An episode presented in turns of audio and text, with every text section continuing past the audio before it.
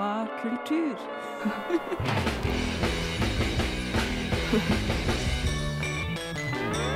Skumma kultur er tilbake, og vi har vært borte og altfor lang tid. Vi har borte, vært borte en hel uke. Og jeg i Sunniva, i dag skal vi gjøre mye rart og prate om mye rart. Men vi skal kose oss, tror jeg.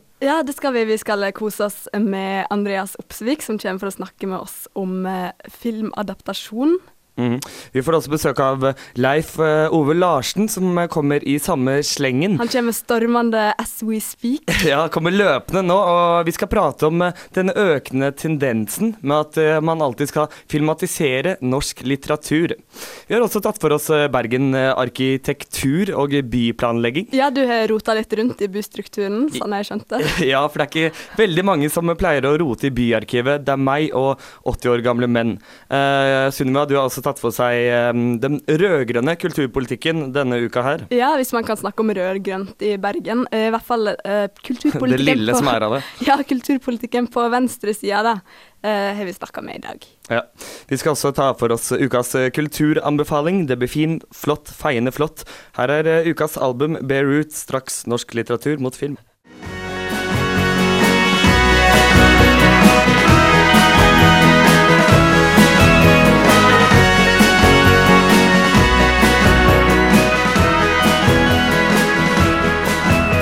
Altså ukas album Beirut med låta Santa Fi her eh, i Skumma kultur.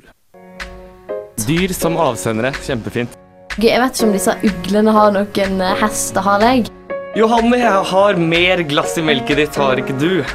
Mye av det skummer her i studio. Melkebrann! Melkespann! Fra spøk til eh, revolver, eller fra, som vi pleier å si i Skumma, fra skum til alvor. Og det bobler over skum i dag. Kulturskum!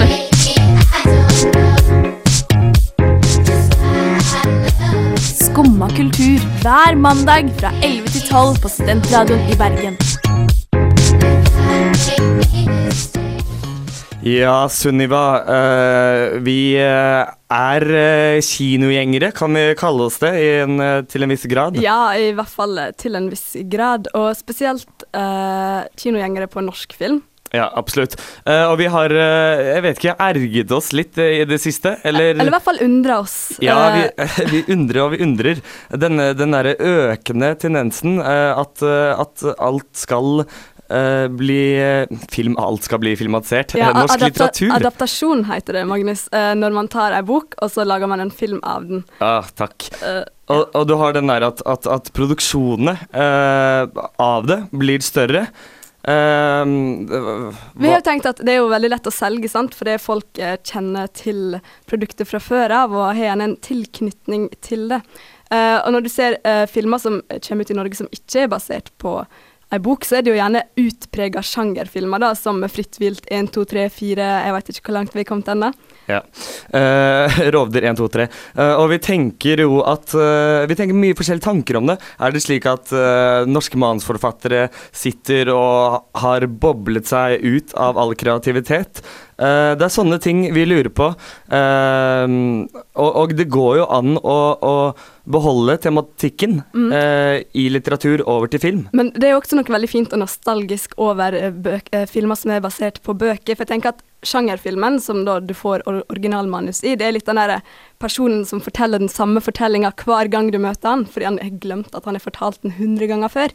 Mens eh, når du har på en måte den her adaptasjonen, da, så er det litt den følelsen av at du kryper opp i fanget til bestemor, og så sier du 'bestemor, fortell om den gangen da du var liten'. Så sier bestemor 'ja, men, jeg har jo fortalt om det hundre ganger før', men det er jo de historiene vi elsker, og hvis det er god PR, så er det det vi vil ha. Ja, og det er jo sånn når bestemor eh, forteller historien, så, så kan uh, Man trenger ikke nødvendigvis alltid å låse seg fast til historien, slik som det kanskje fungerer når man går over da, fra litteratur til film. Et godt eksempel på det er uh, en film som uh, kom nå i februar, 'Jørgen pluss Anna er lik sant', mm. krevet av Vigdis Hjort. Og det her er jo et godt eksempel på at man kan få fram uh, en lik tematikk uten å låse seg fast i både boka og tiden. For selve Jørgen Anne den er jo låst veldig til 80-tallet, mens filmen kan vel være veldig samtidsrettet, og som drar inn moderne referanser da, i forhold til populærkultur, velstand og kjønnsforskning. Vi skal høre nå et lydklipp som representerer dette veldig godt. Litteraturens ord og setninger blir eh, til en veldig sjarmerende scene. Etter det så kommer Andreas Opsvik og Leif Ove Larsen. Beate? Mm. Jeg holdt hendene rundt Jørgen når vi sykla. Gjorde du? Ja. Hva sa han? Ingenting. Tror du han har lyst til å bli kjæreste med deg? Jeg skal skrive kjærlighetsbrev til han. Og du skal skrive til Einar. Han har vel ikke så lyst til å bli kjæreste med meg, da. Jo da. Tror du? Mm. Men kanskje du ikke trenger å skrive kjærlighetsbrev? Kanskje jeg heller skal spørre for deg? Kanskje det er bedre? Ja. Han svarer nok ja når jeg spør. Da kan jeg kanskje lære deg å stave de engelske fruktene. Ja. Natta, da.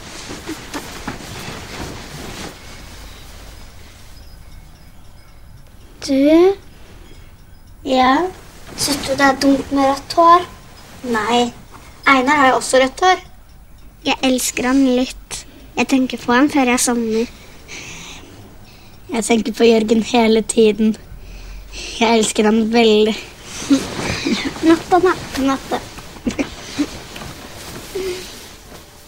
Det var altså et eh, lydklipp eh, fra filmen 'Jørgen pluss Anna-Alexandt, som er en eh, adaptasjon av boka med samme navn av Vigdis Hjort. En kjempesøt sådan. Ja. med meg så har jeg med meg Andreas Opsvik, som er filmanmelder i BT, og en gammel eh, filmkonge fra um, Kinosyndromet her Med- på Studentradioen. Eh, velkommen. Og med oss i studio har vi også Leif Ove Larsen, som er første amanuensis ved Institutt for informasjons- og medievitenskap ved Universitetet i Bergen. Velkommen til begge to. Som jeg og Sunniva sa, det har vært lenge slik at uh, filmprodusenter velger å filmatisere kjente litterære verk, som f.eks. Herman og De døde tjern. Vi ser en tendens at disse produksjonene bare blir større og større.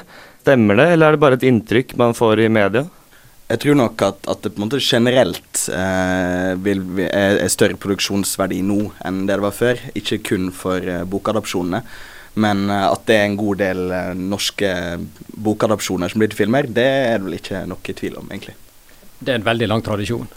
Um, norsk film har alltid vært avhengig av uh, litt god litteratur som blir filmatisert. Um, altså Den første store hiten i norsk film, hva var det? Jo, det var jo Hamsun. Mm. 'Grødens mark' f.eks. i 1922. Og siden så har det vært uh, så å si en, en, en påle i norsk filmproduksjon at man har filmatisert kjente litterære verk. Og det er mange grunner til det, som vi kanskje kan komme inn på etter hvert. Mm. Er det lettere å få støtte til manus som er basert på kjente bøker?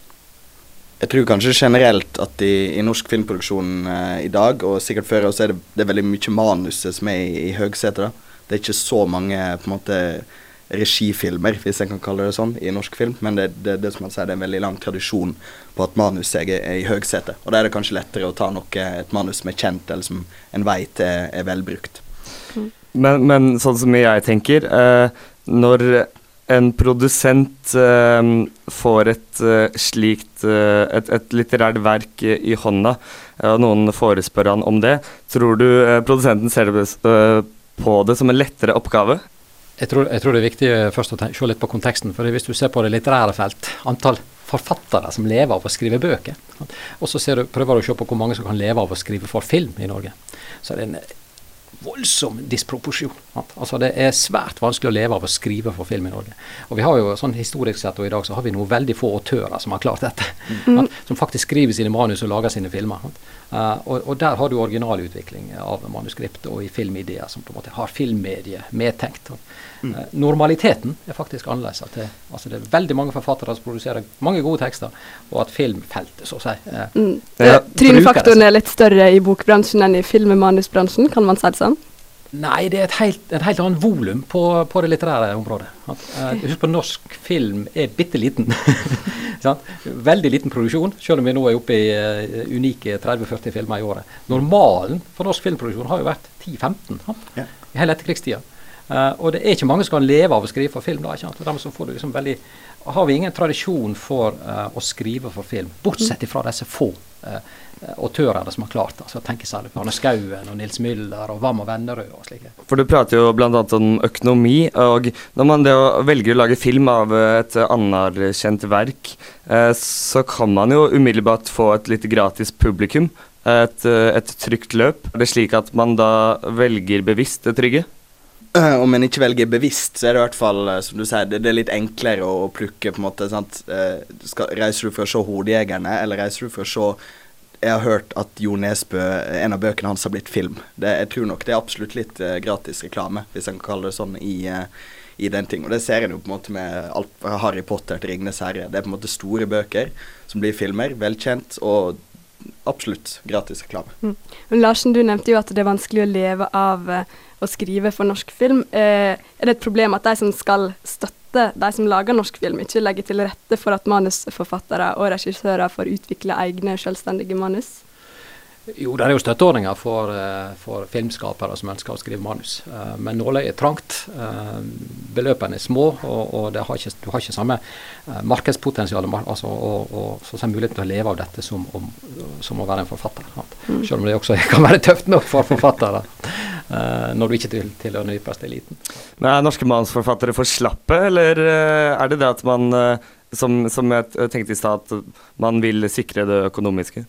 Du ser jo også sjøl i, i, i, filmer basert på, uh, på Lars Saabye Christensen-bøker, uh, så er jo han er jo sjøl med å skrive manus, men han er jo ikke den eneste. Du har jo folk som på en måte gjør det hva skal jeg si, dramaturgisk riktig for film, da. Så det er jo absolutt en god del uh, folk der. Men det blir jo på en måte igjen det med, med tradisjon. Uh, at det er ikke nødvendigvis det, det, er ikke det første de går etter, kanskje. Mm. Og Det er jo også noe med, med, med, med måten film blir laga på. Altså, når du skriver en bok eller en novelle eller hva du gjør, så, så, så, kan du ta beslutninger på egen hånd. Du kan skrive etter et eget hode. Med en gang du begynner å produsere for film, som er et helt annet teknologisk medium, så må du kompromisse og du må kompromisse og du må gjennom eh, si, instans etter instans eller som du skal forhandle med. Mm. Uh, og det er så mange hensyn som skal tas før man kommer fram til lerretet med den ferdige, ferdige, filmen. Det er mange flere mennesker involvert, i alle fall. Ja. Uh, hvor, hvor, går adaptasjonen av norsk film videre? Vi ser jo en tendens til historier som er basert på virkeligheten, som eh, Max Manus, Kon-Tiki, Nokas. Hva skjer? Vel, akkurat Max Manus var vel kanskje basert på ei bok basert på virkeligheten, så det spørs mm, litt mm, hvor du trekker linjene. Men uh, at, uh, at uh, kanskje, forhåpentligvis kan jeg kanskje si, Oslo 31. august er jo et uh, fint eksempel på en film som kom denne uka, som er et originalmanus og en veldig god historie. så det er nok Det kan jo være vi, vi, vi, sniker oss nærmere. Hvis vi ser på de siste ti åra i norsk film, så er jo mangfoldet større enn det har vært i, i hva type sjangre som blir produsert, og også med hva som er originalmanus og, og adaptasjoner. så, så, så, jeg tror nå med, med med økt filmutdanning og mer utdanning også, så kan det stimulere til, til at flere skriver gode manus, originalmanus for film. Altså økt bevissthet om mediets særegne trekk da, eh, og fortellertradisjoner. Det, det, kan virke positivt. Økt bevissthet kan uh, føre til uh, bedre og mer kreative filmer. Det var veldig hyggelig at dere kunne være her, Andreas Opsvik og Leif Ove Larsen. Uh, Sunniva, hva, hva, hva, tenker vi? Uh, vi ønsker oss filmatiseringer av uh, kjempestore litterære verk. Ja, for vi er gått litt mer tilbake, for nå er det jo veldig masse ungdomslitteratur som vi har sett på film i det siste. Ja, og, nei, nei, nei, vi trenger ikke det. Sånn. Nei, vi, vi, vil ha Trymskvida, vi, på film. Ja, og jeg vil se Jon Fosses litterære verk på min lokale kino, med en Aksel Hennie med en stygg genser i hovedrollen. Regissert av en solbrun Harald Svart. Yes, straks arkitektur og byplaning her er Au revoir Simone through the backyards.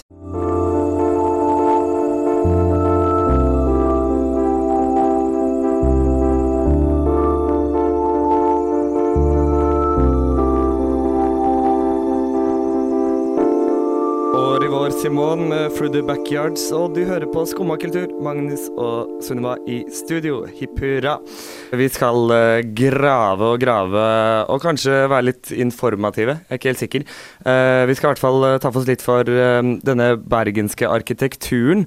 Fordi det florerer jo av fantastiske hus i Bergen. Spesielt her på campus. å gå på UiB kan jo av og til føles som å være i en Kafka-roman, der byråkratiet får får regjere. Jeg tenker spesielt på Kafkas roman 'Slottet', der vi har en landmåler som kommer til en landsby med et slott som han aldri får tilgang til, uansett hvor mye han prøver, og hvor mye han prøver å gå dit. Det er umulig å komme seg dit. Og det samme kan man jo si om campus her. Ja. Hvor er dette universitetet i Bergen egentlig? Sydenshaugen går i sirkler, man kommer aldri ut. Punktum. Uh, men vi vet at Universitetet i Bergen var et resultat av en uh, veldig kulturskapelse i form av museumsbygning uh, og arkitektur. Mm, og nå kan vi orientere oss mer i dette her, byens mystiske sirkler. eh, fordi universitetet har gitt ut en arkitekturguide. Jeg har den i mine, hånd, i mine hånder, hender. Eh, Nye høyder, oppdag campus heter den. Og den tar for seg eh, universitetets eh, eiendommer, eh, de utallige eiendommene. Du har raska ut eh, to eh, veldig fine eksempel på ting man ikke visste om campus på Universitetet i Bergen. Ja, for det er ikke alt man vet, eh, og bygninger de skjuler sine flotte historier. Alt har skjedd, eh, sier jeg som eh, har vært hjemme hos Agnar Mykle. Eh, sitt hus. Men uh, la oss, vi kan begynne med nummer én, det gamle studentsenteret. Det nye det er jo fra 2007, uh, men det gamle det ble revet i 1968. Hva gjorde man da? Ja, da tenkte studentene at ai, ai, ai, vi må finne et sted å være. Uh, ringte Sivilforsvaret og ordnet med et gammelt bomberom. Og hva er i bomberom i dag, Sunniva? Ah, det er Hulen! Ja, det er studentsenteret Hulen. Eh, og det er litt festlig at en rivning kan føre til et utested. Absolutt. Det vil vi ha Eh, mer av, egentlig. ja, ja, ja. Eh, nummer to, overskriften er et eh, humanistisk gjenferd, som jeg så fint kaller det. Fordi det går en underjordisk gang fra hovedbygget til biblioteket. Det er spennende. Ja, og de ansatte er eh, overbeviste uh, om at en tidlig ansatt uh, ved Bergen museum på 1800-tallet går igjen i kjelleren. Det, det, det er ikke noe spøkelse. Altså, det, det er bare tull. Det er bare den gjennomsnittlige HF-elev. Ja, for etter endt utdanning på HF så blir man jo vant til å henge i ganger. Man kommer seg aldri ut. Uh, nei, vi må fange arkitekturens tidsånd før arkitekturen fanger oss. Eh, her kommer en eh, låt. Magnus? Ja, The War on Drugs Come to the City. Veldig arkitekturmessig planlagt.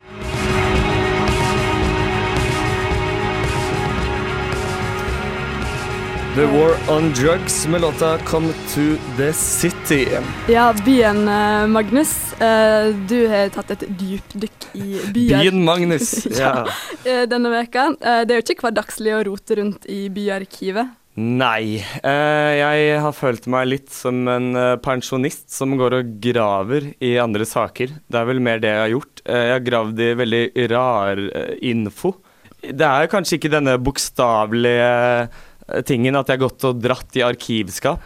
for jeg, har bare lett på World Wide Web. Det Har vært en kjelelig reise, er det det du prøver å si? Det har vært en kjelelig reise full av lærdom og ja, en historietime, på godt sagt.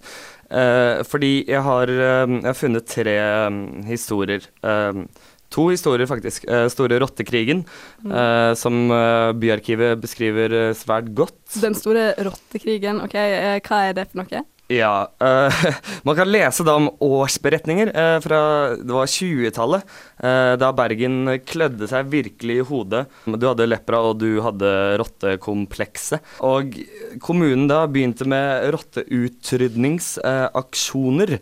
og på ja, 40-, 50-, 60-tallet så var det alltid hvert år to årlige rotteaksjoner eh, som Helserådet sto bak og eh, delte ut i folket. Nå skal vi ha en rotteaksjon. Ja, Uh, ja, uh, hva, hva i all verden, hva, hva førte denne rottekrigen til? Ja, Man kan lese i Byarkivet at, at, at det kommer lov uh, om rottekrigen uh, som sier at uh, den ordrett forpliktet alle huseiere om å bekjempe rotteplagen. Utlegging av rottegift kunne bare foretas av eieren av eiendommen eller vaktmesteren.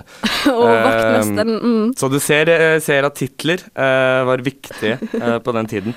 Det var ikke bare bare å legge ut rottegift, du måtte være the boss. Ja, reparere, reparere, arkivere. Har du stilt ut mer kaos fra arkivet? Eh, Ja, absolutt. Uh, Det er noe som heter Møhlenpriskomplekset. For vi hadde en bybrann eh, i vår kjære by i 1916. Eh, ting gikk ikke så bra. Mye brant opp. Og hva gjorde man da? Man satt eh, med eh, husnød og hungersnød, og folk hadde ikke noe sted å bo.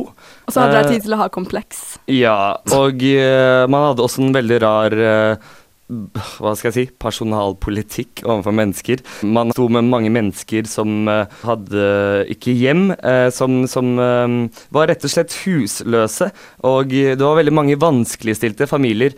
De lagde kompleks på Møhlenpris som, som besto av tre boligkvartaler.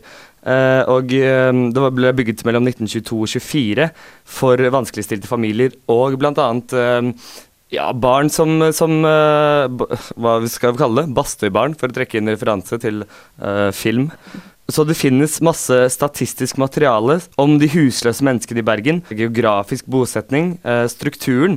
Så jeg har jo lært veldig mye av Byarkivet. For den, den, forteller oss hvordan Bergen by ble planlagt, og hvordan faktiske forholdene var eh, på den tiden. Mm, er dette byarkivet noe du vil anbefale? Ja, eh, absolutt. Eh, søk på Bergen byarkiv eh, på nettet, så kommer du inn på det. Det står om alt fra Landås skole til eh, denne rottekrigen. Ja, les og lær. Etterpå skal vi eh, snakke om kulturpolitikk i Bergen. Her er Lars Vaular med 'Hvem skjøt Siv Jensen'?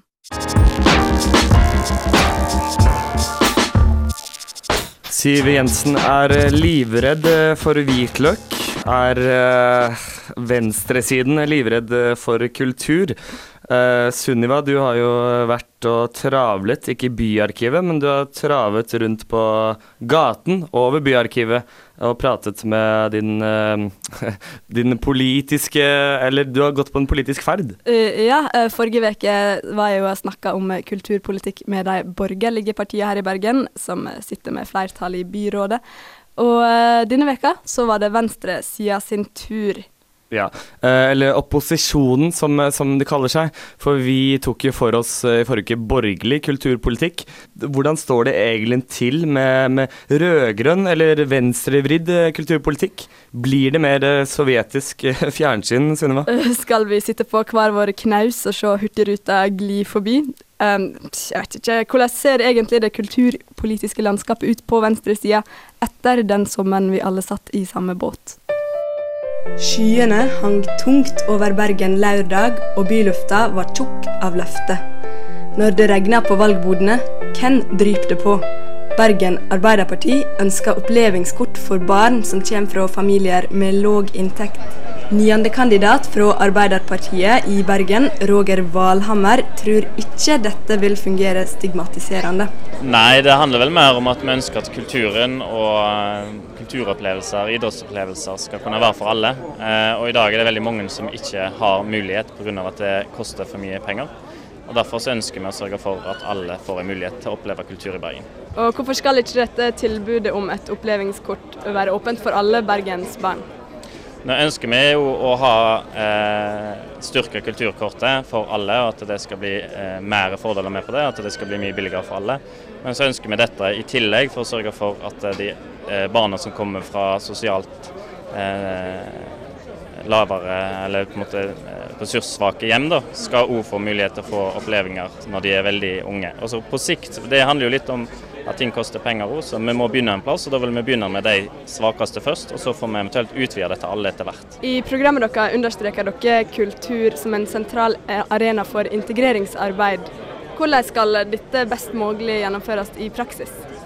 Det handler jo nettopp om å sørge for at kulturen er for alle, da, og at den er inkluderende. Eh, I forhold til både informasjonsmateriell f.eks. På, på flere språk, eh, som kan være viktig spesielt for nyankomne eh, innvandrere.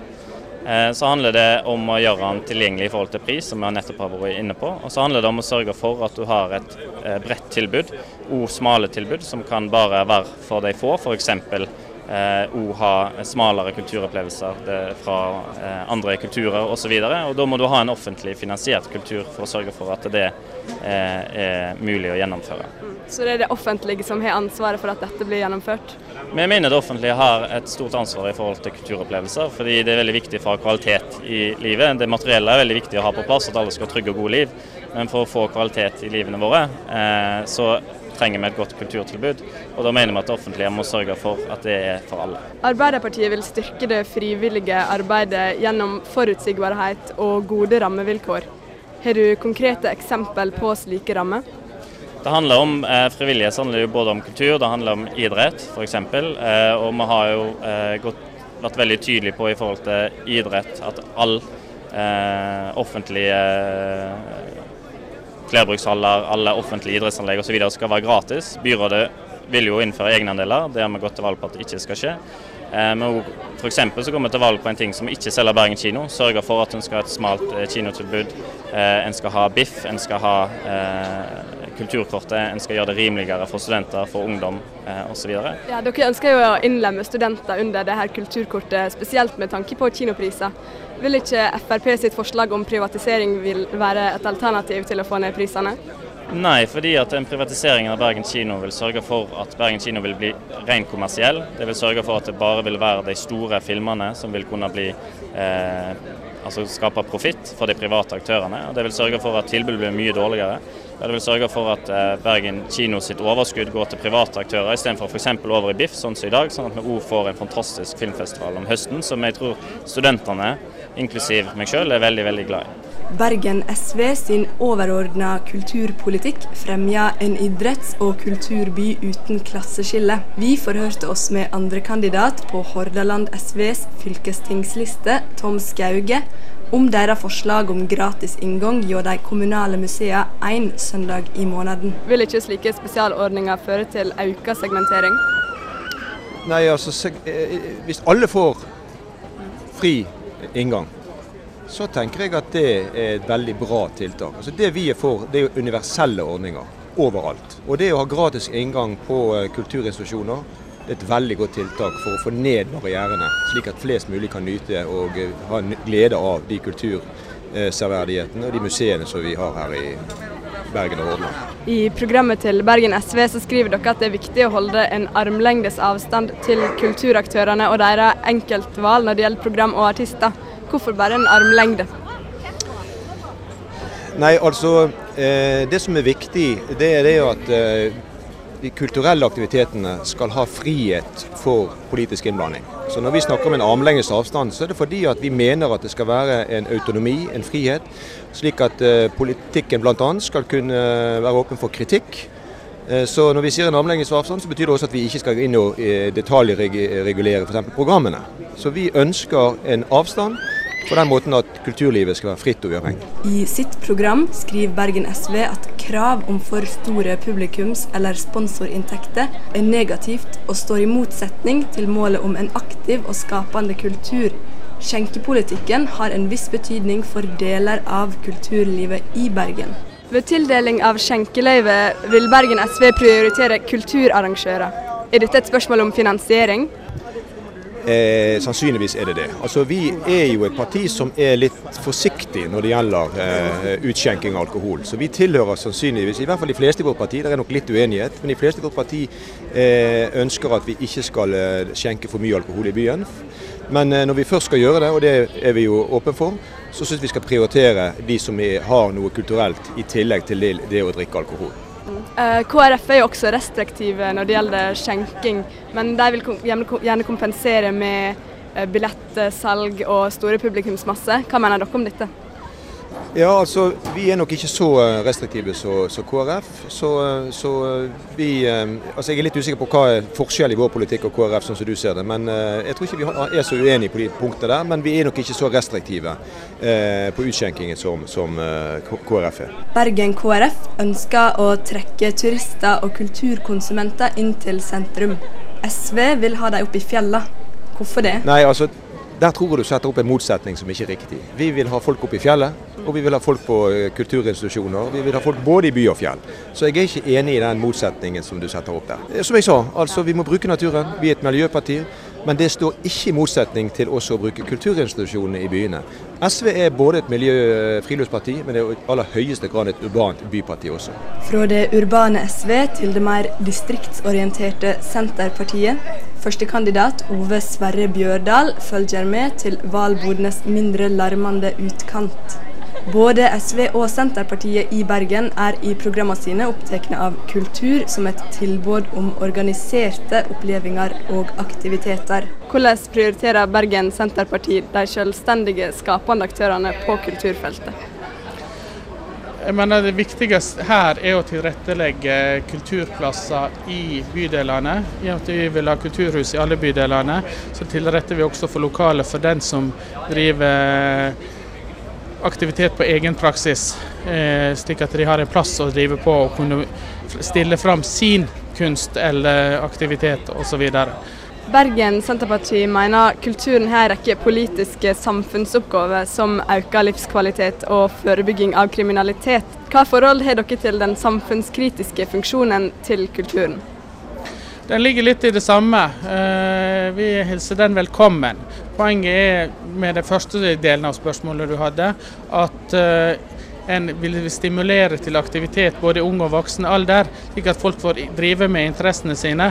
Det henger litt sammen med det gamle ordtaket om at lediggang er roten til alt vondt. Uh, ved at en også får utvikla fra ungdomsav at det folk får dyrke sine interesser, så får en en uh, bedre livskvalitet, og en hindrer også andre mer uønska aktiviteter som av og til oppstår fordi en mangler ting å gjøre på.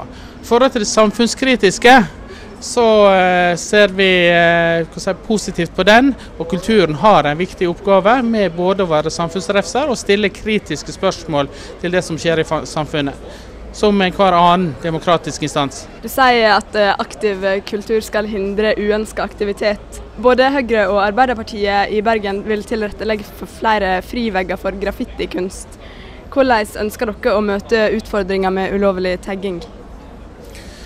For det første så er vi også positive til å åpne for flere frivegger der den aktiviteten skal drives. Så mener jeg at der som det skjer tagging på vegger der det er uønska, så skal det umiddelbart fjernes. Og så langt som en kan, så skal den som har utført det også være ansvarlig for kostnaden med å fjerne dette.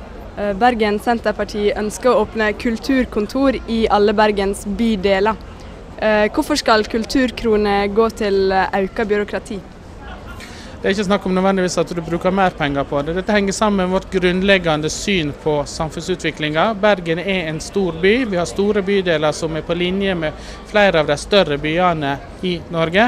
Og vi ønsker å desentralisere hele bystrukturen i forhold til at du får kulturhus i alle bydeler. Vi skal ha bydelsstyrer gjeninnført i bydelene, og der følger dette henger som sammen, og at det skal være nærhet til den som er bruker av kontorene.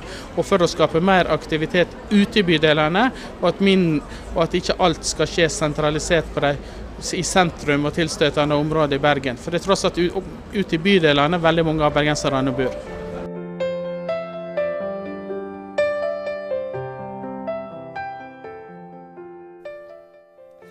Ja, det var altså Sunniva som sitter foran meg og har det gøy, som var ute og lagde reportasje om venstresidens kulturelle program. Hva var dine hovedinntrykk, Sunniva? Altså Etter å ha intervjua politikere både på høyre, til høyre og venstre, på begge sider av skalaen, så har jeg funnet et veldig sympatisk trekk da hos lokalpolitikerne. Ja, for nå har du opplevd begge deler? Mm, jeg er erfaren nå. uh, men ja, uh, det som er sympatisk med dem, da, kultur, kommunalpolitikerne, er at de, de, reagerer ikke på at de kommer fra studentradioen. Altså, Jeg forventa at de skulle hoppe inn og bare studenter studenter pushe på hva de kan tilby oss, da, for det er jo en ypperlig måte å sanke stemme på når du har en så definert kanal som Studentradioen i Bergen. Ja, og det er veldig rart å være politiker og ikke kjenne sin målgruppe. Ja, eller, ja, de virker ikke så veldig trent i akkurat det, da, men desto ærligere og sikrere i sin sak og saklighet. Ja, uh, men, men sånn så, som man kanskje har hørt på begge delene, at, at de har Alle partier har stor tro på kulturen. Uh, ja. Kanskje ikke noen på høyresiden. Uh, jo, altså alle er jo veldig entusiastiske når det gjelder kultur, for kultur mm. selger jo politikken der. Da. Kultur er bæreevnen, Sunniva. Ja, men det er akkurat som de må finne en grunn, da, eller legitimere eh, sin kulturpolitikk i, en, i noe annet, f.eks. turisme, eller bekjempe kriminalitet, eller bedre helse, eller integrering.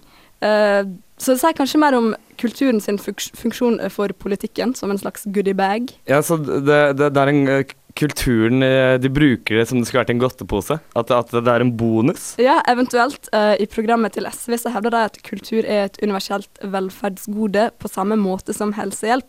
Uh, skal, kultur, skal, kulturen bare være et plaster på såret? Uh, godt, uh, godt spørsmål. Uh, kultur er et universelt velferdsgode. Det er et utrolig bastant eh, Jeg vet ikke, en Påstand. setning. Ja. Mm. Eh, men, men, men denne Er det en alterna, Finnes det alternativ til, til eh, Eh, Alternativ tilnærming til kulturen. Ja. Det tror jeg vi overlater til kulturen sjøl. Det er norsk kultur oppsummert? Ja, du, du er jo litt sint på den venstre, venstre eh, kulturpolitikken. Ja, men det er den derre at, at å, alt skal være så offentlig, alt skal være så tilgjengelig. Det er jo den derre Det blir sånn norsk velferdsstat, bare at det blir norsk uh, kulturpolitikk. Er- Alle, alle skal spille et instrument. Gå og spille instrumentet Ja! ditt. Alle skal like alt, og alt skal være offentlig tilgjengelig. Men eh, ja, eh, kan du tenke deg et godt eksempel på et eh, utopisk norsk kulturuttrykk? Eller norsk kultur oppsummert? Eh, tilskudd av etniske rytmer og blanding av norsk kjendiskultur. Eh, fantastisk utopi. Ja, hva vil folket egentlig ha?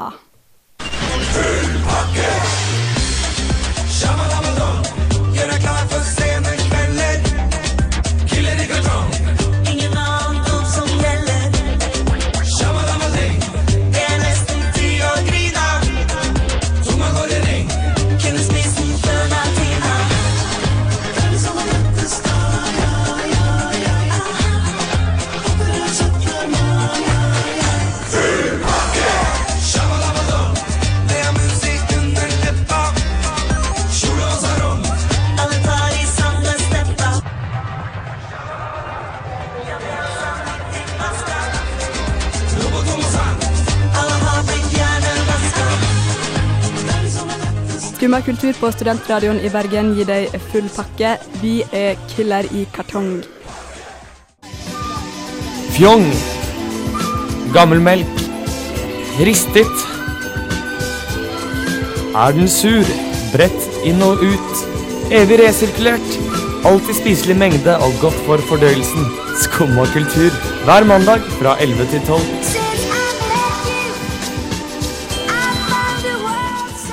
Ja, vi skal uh, straks uh, ta for oss uh, hva som skjer Ta for oss ukas kulturanbefalinger. Hva som skjer i Bergen ettersom vi har ristet i norsk kulturpolitikk. Her er Silje Dyngeland, ukas låt på Studentradioen i Bergen med låta 'Monster'.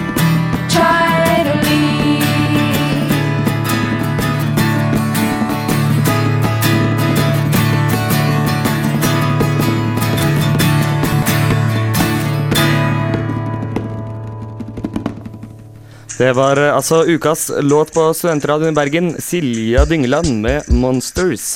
Og eh, Sunniva, vi skal eh, snakke litt hipp som happ om hva som skjer denne uka her. Sove byen, skjer det noe gøy? Ja, det er på tide med kulturanbefalinger. Uh, Studentersamfunnet skal ha en parti, partidebatt på, uh, på torsdag 1.9. klokka sju i Grand selskapslokaler.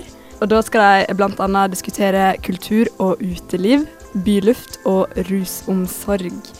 Uh, og de kommer til å kreve konkrete svar på sine spørsmål.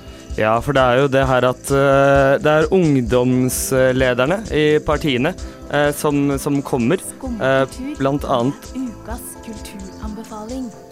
Teknisk. Eh, ukas kulturanbefalinger. og da kommer eh, mennesker, partilederne, Sofie Marhaug bl.a. fra Rødt, Erlend Horn fra Venstre.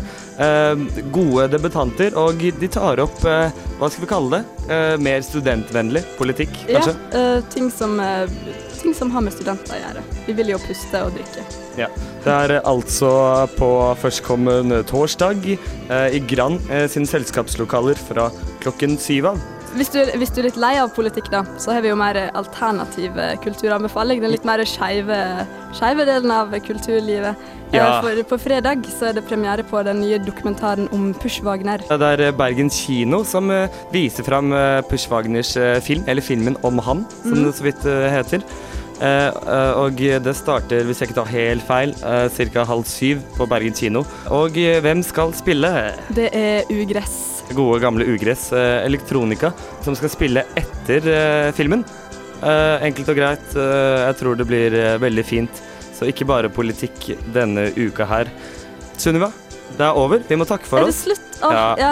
Vi må takke først og fremst eh, Andreas Opsevik og Leif Ove Larsen, som kom springende inn i studio for å snakke med oss om norsk eh, film. Veldig sporty gjort. Eh, veldig fint å ha Leif her, altså. Eh, jeg vil takke Bergen byarkiv for at vi lot, eller internettet, for at eh, jeg fikk lov til å rote der. Og eh, ja, jeg vil eh, også eh, gjerne anbefale en, eh, det var en fotoblogg som heter aib.bergen360.no. Ja, du, du virka veldig engasjert i går når du satt og las på denne her bloggen. Ja. Eh, ellers så har vi tatt for oss uh, rød-grønn kulturpolitikk. Du har vært ute i gatene og eh, pratet. Og, med partier på venstresida. Ja. Vi vil bare si takk for oss. Etter oss så kommer Radio Eldrebølgen. eh, deilige barnetimer. Så takk for oss. Ses neste mandag. Skumma kultur, det ruler jo, din satan. Skumma kultur ruler, din jævel. Som tidligere medlem av Skumma kultur vet jeg at de setter litteraturen i høysetet. Mannen som elsket skumma kultur, Tore Rønberg. Skumma, yeah!